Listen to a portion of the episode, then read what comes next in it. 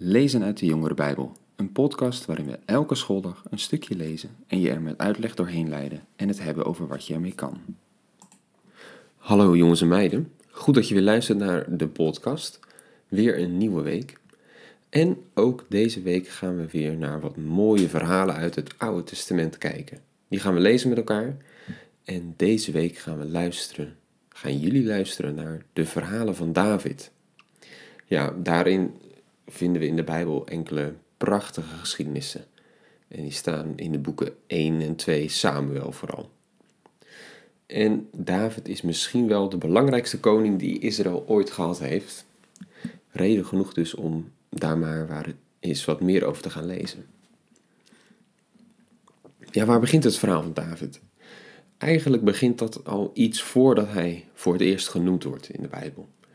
Kijk, als Israël uit Egypte komt en zich in het land vestigt, dan heeft het eigenlijk nog geen koning. Ze hebben ook eeuwen zonder koning gedaan. Dan stonden er elke keer, op het moment dat het nodig was, figuren op. God die zorgde ervoor dat die figuren er waren.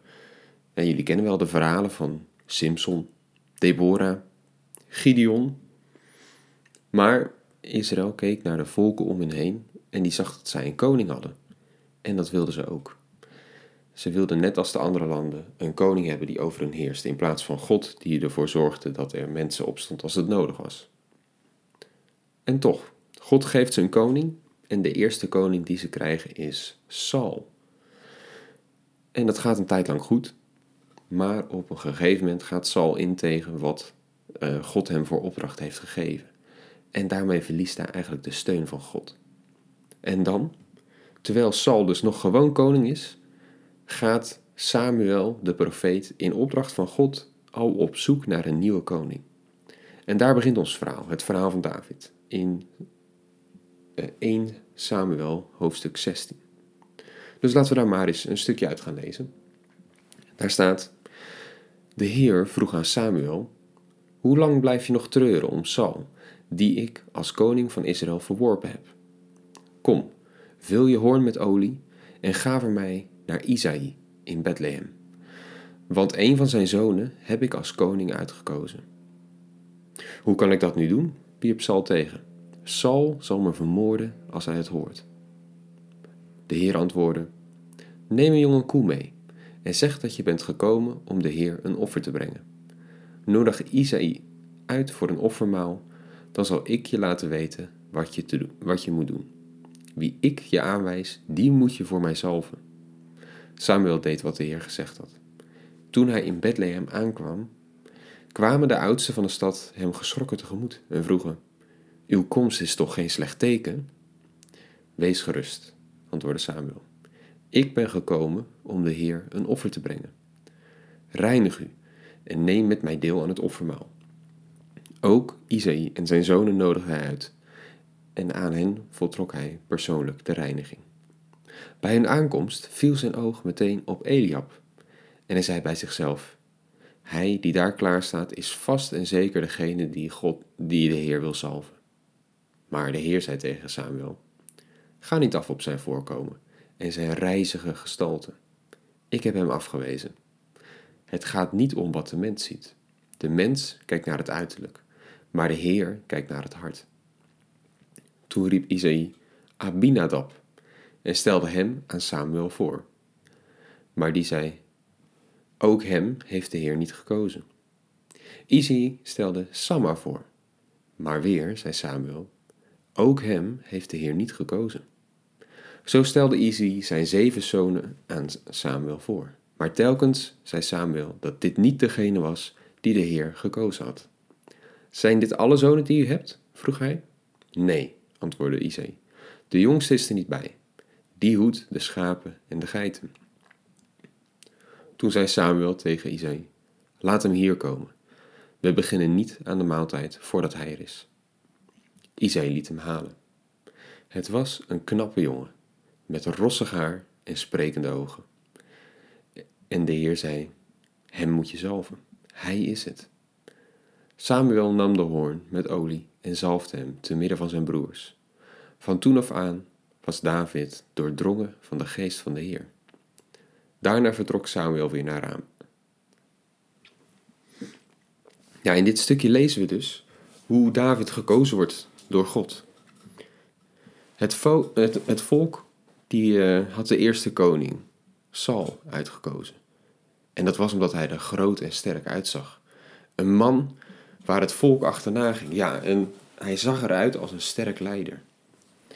En ook als Samuel dan weer hier een nieuwe koning moet vinden, denkt hij als eerste aan de oudste zoon, die er groot en uh, sterk uitzag en eruit zag als een goed leider. Maar God zegt, je moet niet naar het uiterlijk kijken.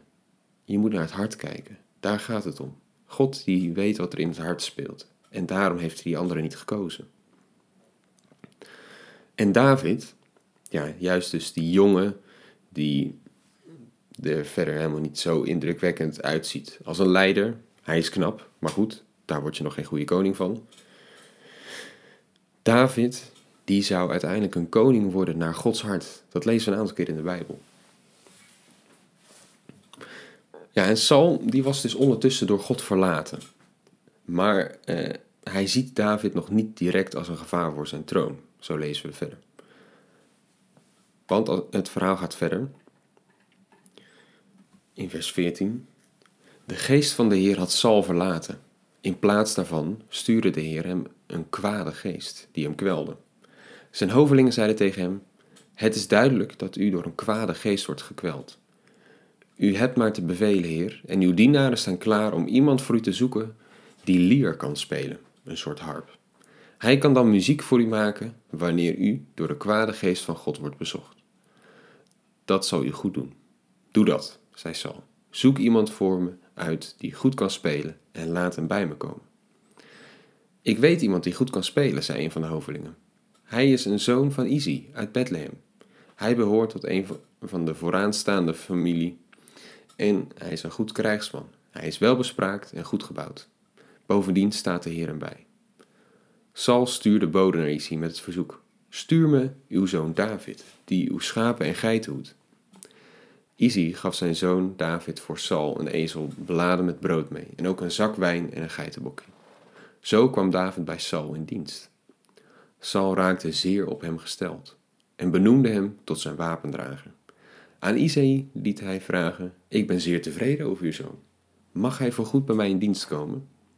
En steeds wanneer de geest van God Saul overmande, nam David zijn lier en tokkelde op de snaren.